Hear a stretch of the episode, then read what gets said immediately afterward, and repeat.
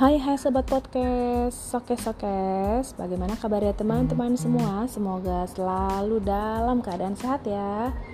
Hmm, Hari ini masih lanjut terus Di tantangan 30 hari bersuara Dari, dari thepodcaster.id Di episode ke-18 dengan tema makanan dan minuman. Hmm, Kali ini Mila mau cerita apa ya tentang makanan dan minuman. Oh ya deh. Aku tuh orangnya hobi banget icip-icip kuliner apalagi kalau ada sesuatu yang baru dan juga kalau lagi berkunjung ke suatu daerah. Hmm, ada satu hal ada makanan favorit ada minuman favorit juga sih sebenarnya. Tapi kalau makanan favorit itu yang berbau ikan hmm, mau itu ikan dibakar digoreng pokoknya berbau ikan. Pasti aku seneng banget. Terus kalau minuman aku tuh paling seneng minum apa ya? Es campur.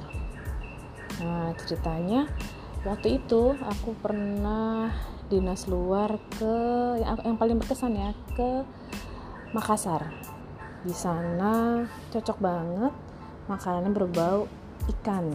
Wah ikan katanya sana ya.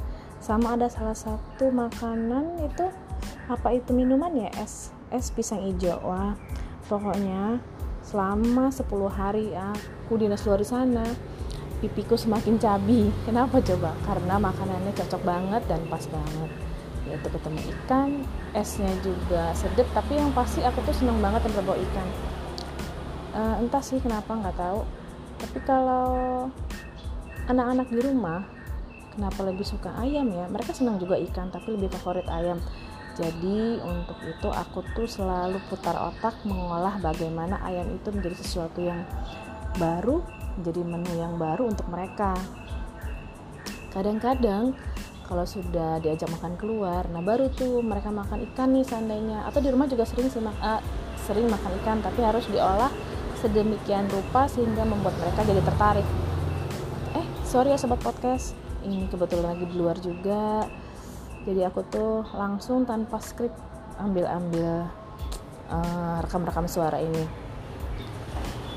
Terus untuk anak-anak selalu aku bikin modif ya ikan.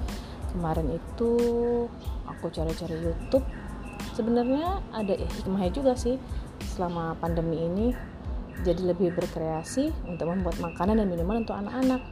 Hmm, kayak makanan tuh kemarin terinspirasi bikin ikan gurame saus padang. Wah kata mereka ini mah sudah kayak di restoran-restoran itu mi katanya. Jadi harus sering-sering buat ya mi ya. Nah, terus bikin juga ayam saus mentega. Nah, sedap deh pokoknya.